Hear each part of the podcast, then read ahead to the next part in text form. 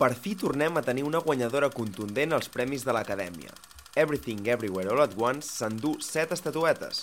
Avui, a canvi de pla, l'anàlisi en calent dels 95ens Premis Oscars. Canvi de pla, un programa en versió original sense subtítols.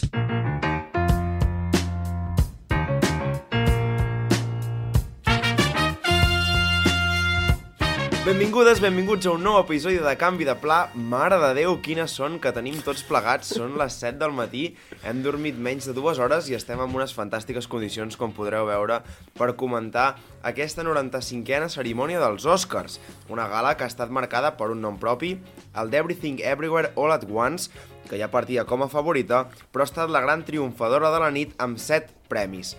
També s'han dut un bon grapat d'estatuetes l'Alemanya All Quiet on the Western Front, amb 4 Oscars, i tampoc no es pot queixar de Whale, que n'ha esgarrapat un parell. Però les grans victòries volen dir també grans derrotes. Elvis, Tar, The Banshees of Inisherin i The Fablemans han marxat a casa amb les mans buides. I per fer tota l'anàlisi de tot plegat, també tenim aquí el Pau i l'Edu, dues persones que tenen tanta son o més que jo. Nois, com esteu? Doncs ho has dit molt bé, amb el cafè a la mà, menjant unes galatones i intentant enfrontar el dia d'avui. Són les 7 del matí quan estem gravant això. Fa mal, fa mal, lo d'avui fa mal, fa mal.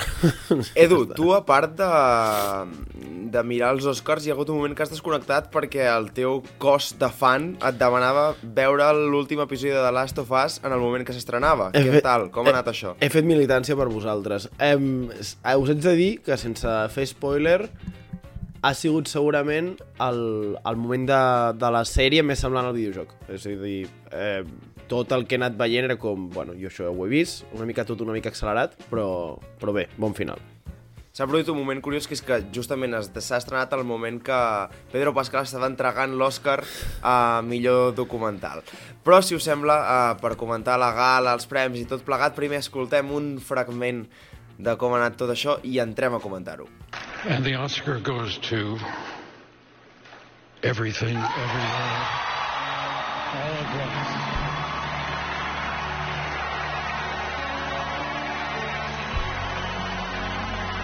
Nominated for 11 Academy Awards, Everything Everywhere All at Once won seven Oscars tonight. De seguida entrem a parlar dels resultats. Abans, però, tema format, tema gala. Um, com ho heu vist això, companys? Us ha convençut? No us ha convençut? Us ha agradat? Ha estat una gala, jo diria que molt mediocre, tant en el bon sentit com en el mal sentit. Jo, no, Pau, perdona que et talli, però jo crec que això és el que dius cada any, eh? bueno, perquè els últims anys ho són, els últims anys ho són. No sé si estem delirants, però... Bueno, si no em digues. talleu el, el dit Perdó, dues perdó, paraules, perdó, potser perdó. puc desenvolupar la idea. No, Digues, Pau, per què ha estat mediocre? Trobo que per, per una banda ha estat una gala que ha complert, en el sentit que ha mantingut el ritme, ha tingut algunes intervencions del presentador correctes i, algunes, i alguns números musicals que també han, han sigut solvents, però per altra banda molt pocs moments eh, memorables, molt pocs moments d'aquells que recordaràs d'aquí uns quants anys. Jimmy Kimmel com a presentador, doncs com és ell? Eh, un humor bastant fàcil, un humor Sí. que, que no, no enfada gaire, en aquest sentit no, no és un presentador especialment punyent, sí que hi ha hagut algun moment en concret que l'he vist més justet, alguna broma amb Malala que aquesta l'hem patit Uf, tots des de duríssim, casa. Sí, la de Malala Land. Sí, sí, no, no, i no només aquesta, sinó quan li ha, Ah, li ha quan li fet ha preguntes preguntat de per- públic Per i li ha sobre Chris preguntat Pine, no? pel bif entre Chris Pine i, i Harry Styles quan, no sé, tenies una Premi Nobel de la Pau no sabia on posar-se Malala però se n'han sortit prou bé Hi, ha, hi havia un tema, un ombra que planava sobre la cerimònia, evidentment, és la bufetada de Will Smith de l'any passat. Jo crec que aquí han estat prou hàbils. De fet, s'han tret el tema de sobre en el monòleg inicial ja n'ha fet referència. També ha fet referència a la confusió dels sobres de 2016 amb La La Land i Moonlight, que ell era el presentador d'aquella gala, o sigui que les dues espinetes ja se les ha tret de pressa de sobre. I després és el que tu deies, Pau, um, sense incidents, com deia, l'últim gag de la gala deia això, precisament. I ell sortia per darrere l'escenari i hi havia el comptador de gales sense incidents fins ara, o, o gales consecutives de Sense- Oscars sense incidents, zero, i quan ell ha acabat ha posat l'1 d'aquesta gala sense cap problema. Doncs això, el monòleg inicial, com dèiem, ha, estat bé, les intervencions que ha anat fent ell, doncs, sense gaire més. Per tant, aprovat a excel·lència. No sé si voleu parlar també una mica de les interpretacions musicals. Sí, aquí jo crec que suposo que els tres uh, rajarem obertament de la interpretació de This is Alive perquè Horrible. Mitski no hi va poder ser, no hi ha pogut ser, i llavors l'han encarregat que la cantés uh, Stephanie Chu, que pobra noia, o sigui, vaja si ha cantat, allò. Sí, No, no, no, va, ha en el, sigut- el verb en, en dolent. Digues, digues, Pau. No, no, que ha sigut una cosa espantosa, sí. perquè estaven desafinats, o sigui, ja no és que no ens agradi la proposta escènica o el que sigui, és que estaven desafinadíssims i es notava molt, sobretot la veu masculina, vull dir, aquí ho hem patit, jo crec que, que s'ha notat molt i que ho hem patit, però vaja, això no ha, fet, no ha frenat la victòria de la seva pel·lícula. Veus, però mira, de memorabilia que dèiem abans, eh, en relació a les actuacions eh, musicals, jo crec que eh, en el que és la gala, crec que tots recordarem els de Nato Nato fent el... Fent... Uh, clar, clar, sí, que clar. aquest moment jo, jo el tindré aquí molts anys present de com en un moment el Kodak Theater va ser, bueno, el Dolby Theater va ser Bollywood. És que el que han fet és fort, perquè al final han passat per davant, ho comentàvem durant la gala, de dues divas de, de, del pop, de la música, com són Lady Gaga i Rihanna, que, que veure, han estat espectaculars les dues, sobretot Lady Gaga, suposo que el Pau tindrà tesi Sí. per estona. Digues, No. digues, digues, que, que continuo No. amb, amb Nato Nato, si no. Doncs eh, sobre les actuacions que queden, Rihanna ha estat molt bé, ha estat en la seva línia, tampoc res fora de lloc, i Lady Gaga sí que ha apostat per una actuació molt més íntima, que ja he vist per Twitter que la criticaven, perquè Lady Gaga, quan és molt espectacular, se la critica per exagerada, i quan és molt continguda, se la critica per avorrida. Llavors, no ens agrada mai, però bueno, eh, trobo que ha apostat per una cosa diferent, molt emotiva, la cançó tant la de Rihanna com la de Lady Gaga eren cançons que no eren res de l'altre món, per tot això també ha deixat la porta oberta a Nato Nato de mostrar aquest moment diferent, d'aquest moment de Bollywood entre Hollywood, però m'ha agradat la proposta escènica diferent i Lady Gaga és d'aquelles persones que et fa un espectacle de qualsevol cosa. Per tant, jo li agraeixo la predisposició. Doncs, mm, tornant al fil de Nato Nato, aquí potser un moviment intel·ligent de l'acadèmia, perquè s'ha obert o, o, o es guanya el favor d'un públic de l'Índia que és de 1,8 bilions de persones. Vull dir, em, clar, al final estàs, els estàs prenent ells i el discurs ha estat molt en aquesta línia de ha estat un somni, uh, no m'imaginava poder estar aquí, uh, quasi bé representant tot un país, el tio ha cantat uh, Carpenters una, en directe a capella, una versió per agrair el premi. Um, jo crec que sí, que serà de les coses més recordades. I, I que, a més a més, eh, jo crec que eh, ara en parlarem no, més en detall ja de tots els guanyadors, però va en relació també una mica això que està fent els Oscars des de fa uns anys, que hem comentat en altres programes, que és aquest inclusisme eh, tant de nacionalitats com de eh, races, i que té, senti o sigui, té sentit que, que això, que hi hagin tants guanyadors tan diversos... O sigui, en aquesta idea eh, que porten fent des de 2015-16, que vam comentar, doncs té sentit que hagi passat el que ha passat avui. I jo diria, Pol, que no ha estat tant un vot tan estratègic com deies tu, sinó simplement que els hi ha molat la cançó, que a vegades és una cosa tan senzilla com la resta de contrincants no eren excessivament fortes i els hi ha molat molt Nato Nato. Eh, parlem també, si voleu, molt ràpidament de l'actuació de Diane Warren, de la cançó de Tear It Like a Woman, Aplaus, ha passat jo crec que sense pena ni glòria, però sí que amb aquesta menció de les 14 nominacions que acumula la, la compositora. Doncs pel que fa a la gala em sembla que això és tot. Pau, No. pots afegir alguna cosa?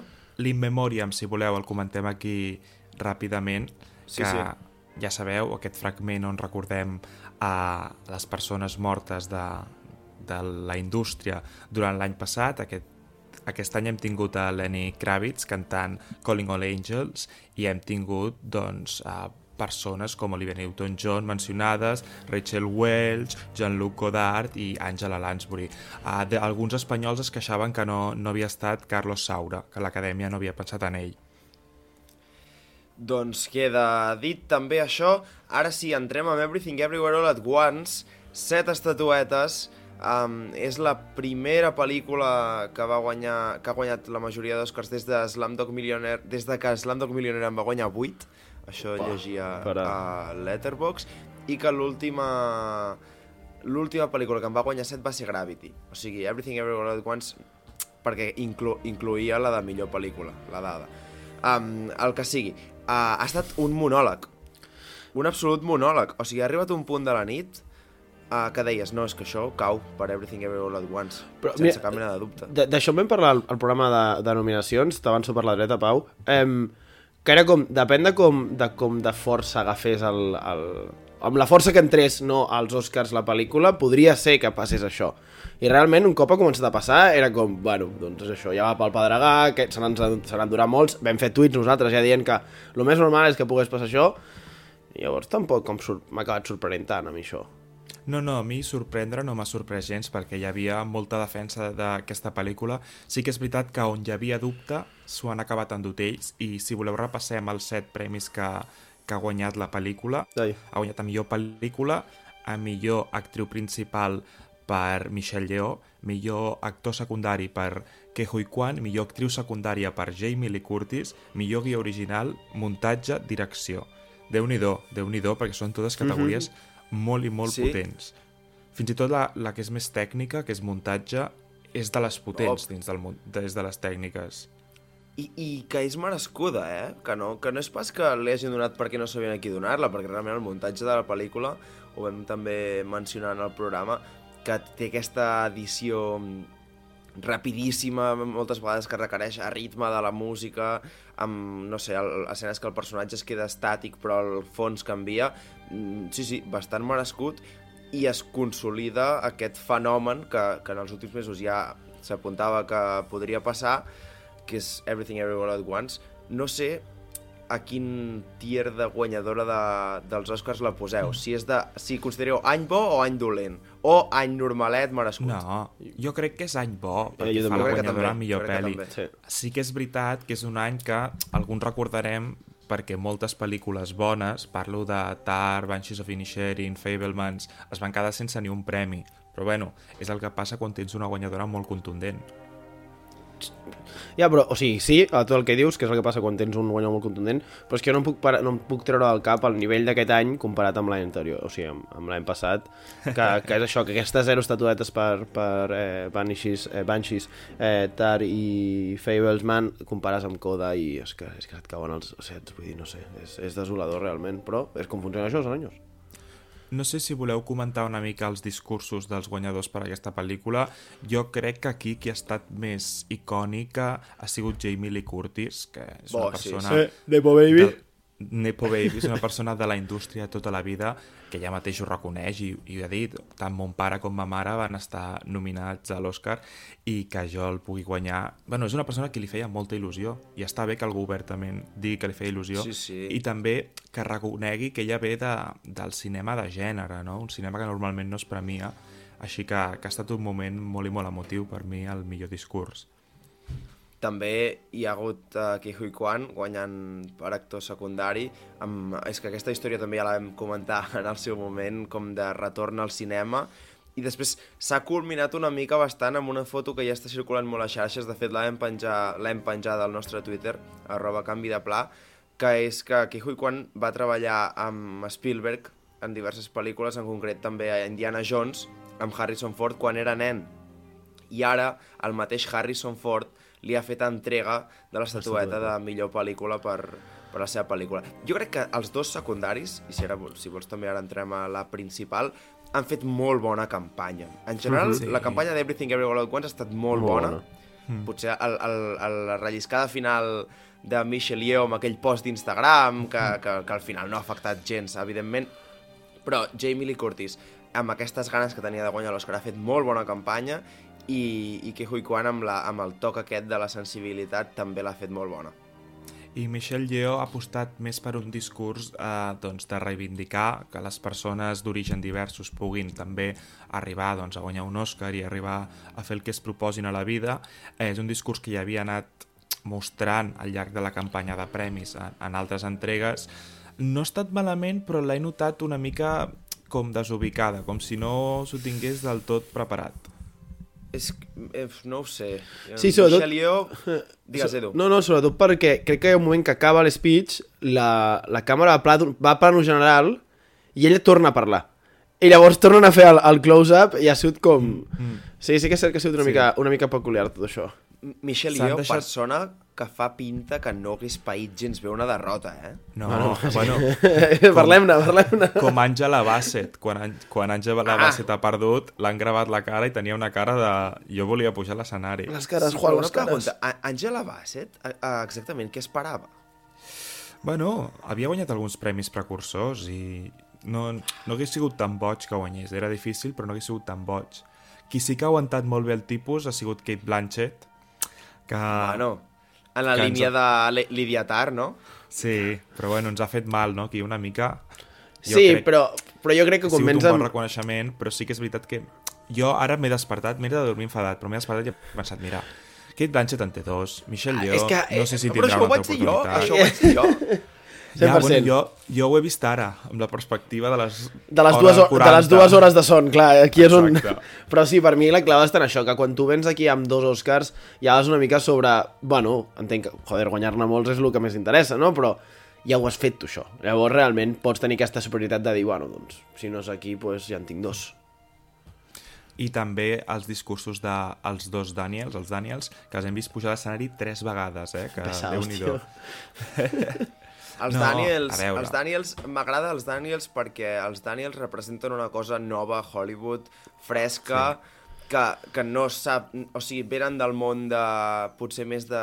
d'estar més en contacte amb xarxes, amb tendències actuals, s'han fet un parell de referències, uh, una ha fet referència al síndrome de l'impostor, uh, Sí. i alguna cosa així, o les dificultats psicològiques, o sigui, potser són gent que sap canalitzar o sap reflectir millor a, a situacions i sentiments que els, una generació més jove pot experimentar.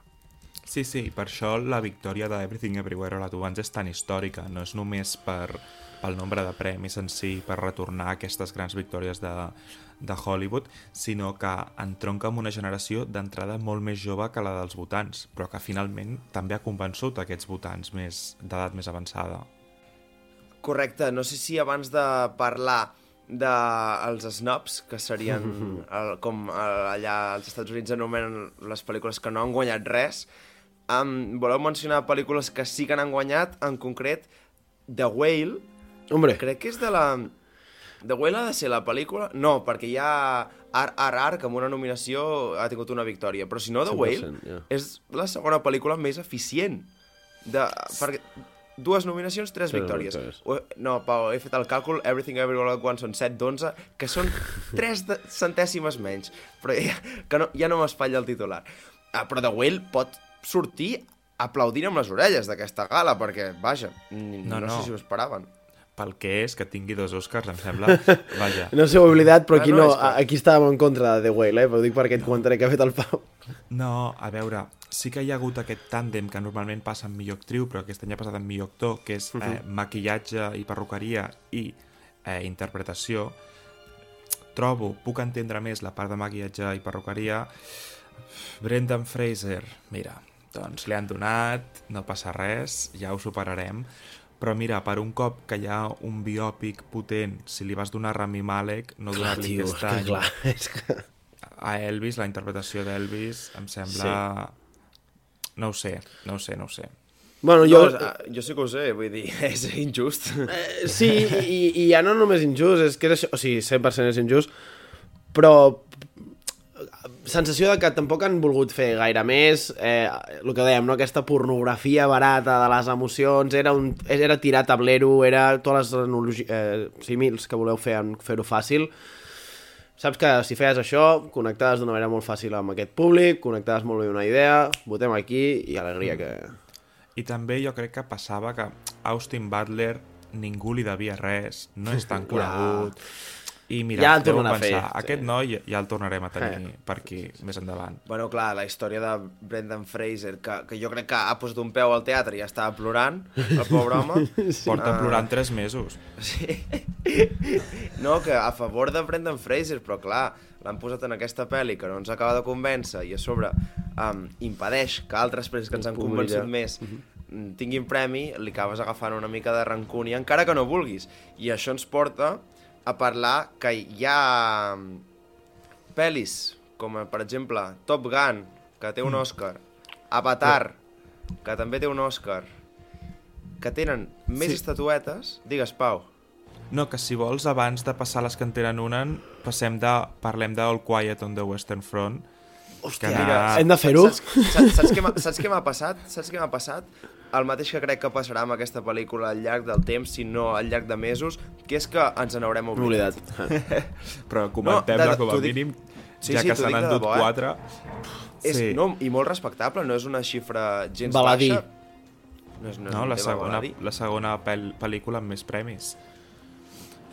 Però per mi, eh, algunes bueno. categories, per exemple, la, la que no m'ha agradat ha estat música, que s'ho endugués. Banda sonora, jo potser hagués tirat per Babylon. Home, atraco, home. eh? Home, De atraco, eh? Justin Hurwitz, fet- atracat. Disseny de producció també hagués tirat per Babylon, perquè aquella festa no es, És una- no es una dissenya sola. I aquests dos premis s'haguessin pogut repartir una mica, però bueno, el Quiet t'ha agradat molt, també s'han dut internacional i foto. Uh, en fi, d'aquestes coses que fa l'acadèmia més clàssica, no? que ja han sigut prou moderns amb Everything Everywhere i han volgut tirar més pel clàssic aquí. Però que si segueix endut internacional i foto, jo crec que doncs bé, aplaudiments que toquen i, Sí. i ja està. Vull dir, és que realment eh, l'atraco està a, a lo posterior, però sí, quatre estatuetes és bèstia. I, I realment crec que és una pel·li que té molt més... té molt millor públic a, als Estats Units que a Europa. En la, la meva percepció, almenys, o com a europeu o espanyol, la capa que vulguem posar-li, és que potser aquí el que hem comentat en altres programes, ho tenim com molt més vist, i allà realment aquest relat de, de la Segona Guerra Mundial potser els, els Primera, convenç més, de, perdó, de la Primera Guerra Mundial els convenç més, no em diguis per què, però tinc la que allà està molt més ben vista que, que la que tenim vista aquí. Home, hi havia un moment de la nit que semblava que podia guanyar eh, guió adaptat i per què no pel·lícula, vull dir, Clar, clar, sí, hem sí. patit, Que això, hem patit. Pau, Que això, millor moment de la nit uh, o, o millor moment que ens ha fet més feliç a uh, Women Talking guanyant guió adaptat? Sí, sí, sí, perquè Straight jo ho veia impossible, jo ho veia impossible. Sí que és veritat que l'acadèmia, els últims anys, agafa una de les categories de guions i el dona una pel·lícula més petitoneta, eh, on el guió destaca molt per sobre de les altres coses i, i no ha trencat la tradició. Crec que ha estat una de les bones notícies que, que no n'hem tingut gaires i aquesta ha sigut, eh, per tant, molt a favor de, de Sarah Poli i d'aquest Òscar a Women Talking, com a mínim, reconèixer una mica la pel·lícula. 50% d'efectivitat, no està malament. No està... eh, Sí, entraria al top una mica... Per sí. 1 de 2, bona feina per ser una pel·lícula petita i vist el poder d'Everything Everywhere All at Once. Altres pel·lícules que, ara sí, puc posar l'expressió, per desgràcia, potser, ah, tenen una estatueta més que Tar, Banshees of Inisherin i The Fablemans. Estem parlant que Black Panther se n'ha anat amb una estatueta a casa, vestuari. Estem parlant Però- que Top Gun se n'ha anat amb una estatueta a casa, so. I estem parlant que Avatar se n'ha anat amb una estatueta a casa, efectes visuals. Sí, deixa-me-les comentar una mica perquè en el fons crec que són merescudes. O sigui, eh, entenc que Pau. avatars... Jo primer faig el titular sensacionalista i tu després ja expliques, que aquí estem no, per no, això. clar, vist així em sembla malament, però si analitzes el que so que s'ho emporti una pel·lícula que, que es basa molt amb el so aeri de, de la guerra, de les batalles, com és Top Gun, té sentit, Avatar, els efectes visuals, després de la turra que ens han estat fotent, doneu-li l'Oscar i que ens deixin tots anys més tranquils, en pau, i ja està. No, però merescut, evidentment. I el cas de, de eh, Black Black, Panther, Panther. Wakanda Forever ja va guanyar per uh, el primer, la primera de Black Panther, per tant ha aconseguit dos Oscars per aquesta saga, eh, també molt bona efectivitat, 100% de les pel·lícules, i realment té uns vestuaris que són espectaculars. O sigui, veus la pel·lícula i és una cosa uh, molt diversa, molt diferent, una barreja entre futurista i una cosa més...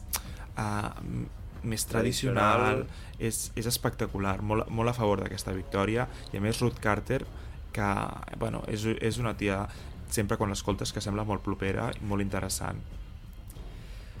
Doncs, fet aquest aclariment, aquest apunt, rebaixant el sensacionalisme, um, per qui us ha sabut més greu? Dels que...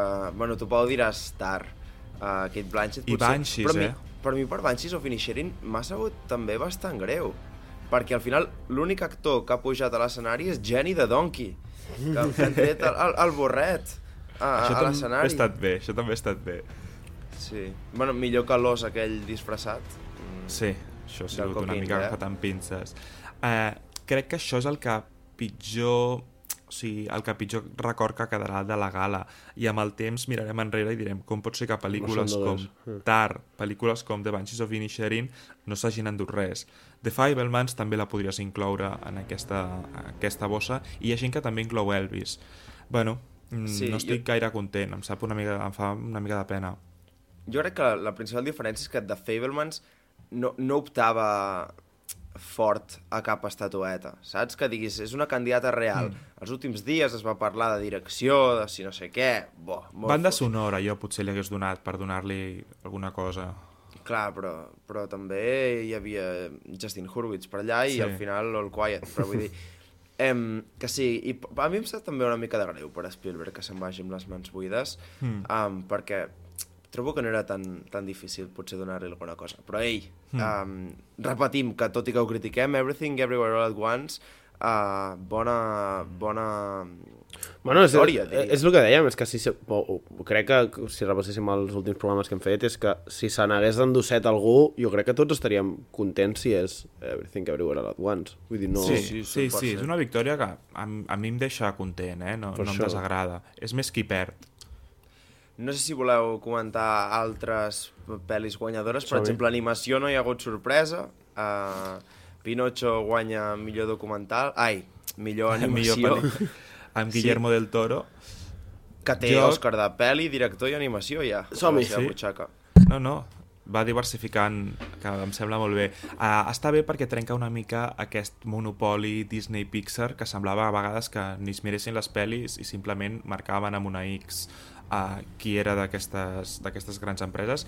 També és veritat que Guillermo del Toro és una persona molt i molt estimada a Hollywood que porta molts mesos explicant com ha fet la pel·lícula. De fet, a Netflix teniu un documental de com se hizo, Behind the Scenes. Per tant, però bueno, és, és merescuda, eh? és una pel·lícula deliciosa. Per tant, endavant amb ells. I doblada en català a Netflix. Ep, ep, ara, ara, ara, ara. Uh, llavors, Pau, no sé si vols afegir alguna cosa de les altres guanyadores, perquè Sí. crec que no ens queda cap categoria a banda de documentals, curts i tot això. Sí, doncs mira, faig un repàs ràpid d'aquestes. A millor documental ha guanyat Navalny, que per mi era dels fluixos. És un documental... Ah, bueno, ah, bueno, ah, bueno, eh, criticant Rússia, d'aquestes coses. És un documental que no dic que no sigui interessant, però que a nivell de proposta cinematogràfica no estava al nivell d'altres com All the Beauty and the Bloodshed, que per mi és qui clarament s'ho havia d'emportar, fins i tot The Fire of Love em semblava més interessant, i una mica d'atracament a la Laura Poitras i a la Nan Golding, però, però vaja, sí que és veritat que en aquest context de guerra, doncs un documental de crítica directa a Putin centrant-se justament amb la figura del seu opositor que està empresonat, amb Navalny, doncs s'ha convençut els votants, suposo que amb, amb un vot una mica polític. Els curts, eh, repassem molt ràpidament. The Elephant Whisperers ha guanyat curt documental. No estic enfadat, tampoc em semblava la, la millor opció, jo era més de Howlout, però bé, Netflix sempre té més diners per fer propostes i fer més campanya, no passa res. També eh, en el cas del curt d'animació hi havia una gran empresa darrere perquè ha guanyat Apple TV Yep. amb The Boy, The Mole, The Fox and The Horse. Mm, és una delícia, està molt bé, és una adaptació d'un llibre infantil. Tampoc era el meu preferit, però, però no em puc queixar. I a curt de ficció ha guanyat The Irish Goodbye, que és, té aquest punt feel good, té aquest punt de, de fer-te sentir bé i en una gala on hi havia molts irlandesos nominats doncs ha sigut l'únic curt l'únic premi representant d'Irlanda Doncs molt bé, sempre a favor que Irlanda Sí. s'endugui coses, perquè és un país que cau simpàtic, que cau simpàtic. Que hi has anat, Home. Pol?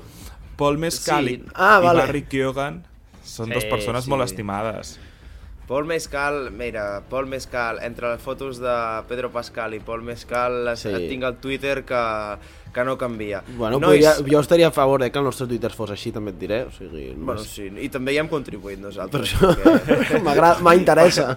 per què enganyar-nos? hem, hem estat molt divertits per Twitter. Jo crec que ara ens podeu Sí. recuperar el feed i anar tirant enrere. També s'ha de dir que és duríssim que nosaltres diguem que hem estat divertits nosaltres com pegar-nos un cop a No, l'esquena. és saps? veritat. Jo, no ho, est jo, ho estava, jo ho estava fent per mi, eh? Jo m'ho estava passant bé Sí, sí. eh, comentant la Jo jugada també. per tres persones que devien quedar despertes. O sigui, realment aquests programes de, dels Oscars en directe que fan, nosaltres no hem fet res, eh? Però vull dir, qui els escolta? Um, què tenen? Tres Ningú. oients, un per cada un? O, o, No o sé. algú que va amb cotxe No sé, o així? Sí, algú que queda Algú que no pot sí. canviar la cadena, però en general jo crec que els periodistes ho fan més per ells que no, que no per la resta. Sí, sí. Tothom està, tots Atenció els que- que- periodistes de cine estan en algun programa el dia Menys dels nosaltres, Oscars. Pau. Nosaltres estem aquí, no, és el que deia, que això no és una crítica als programes, que nosaltres clar, cap eh, cas. firmaríem amb sang poder estar allà fent el burro. Ah, no, però, no, sí, però... sí fem broma. Però que crec que té un Mantenim seguiment l'humilitat. no tan gran, no gaire gran.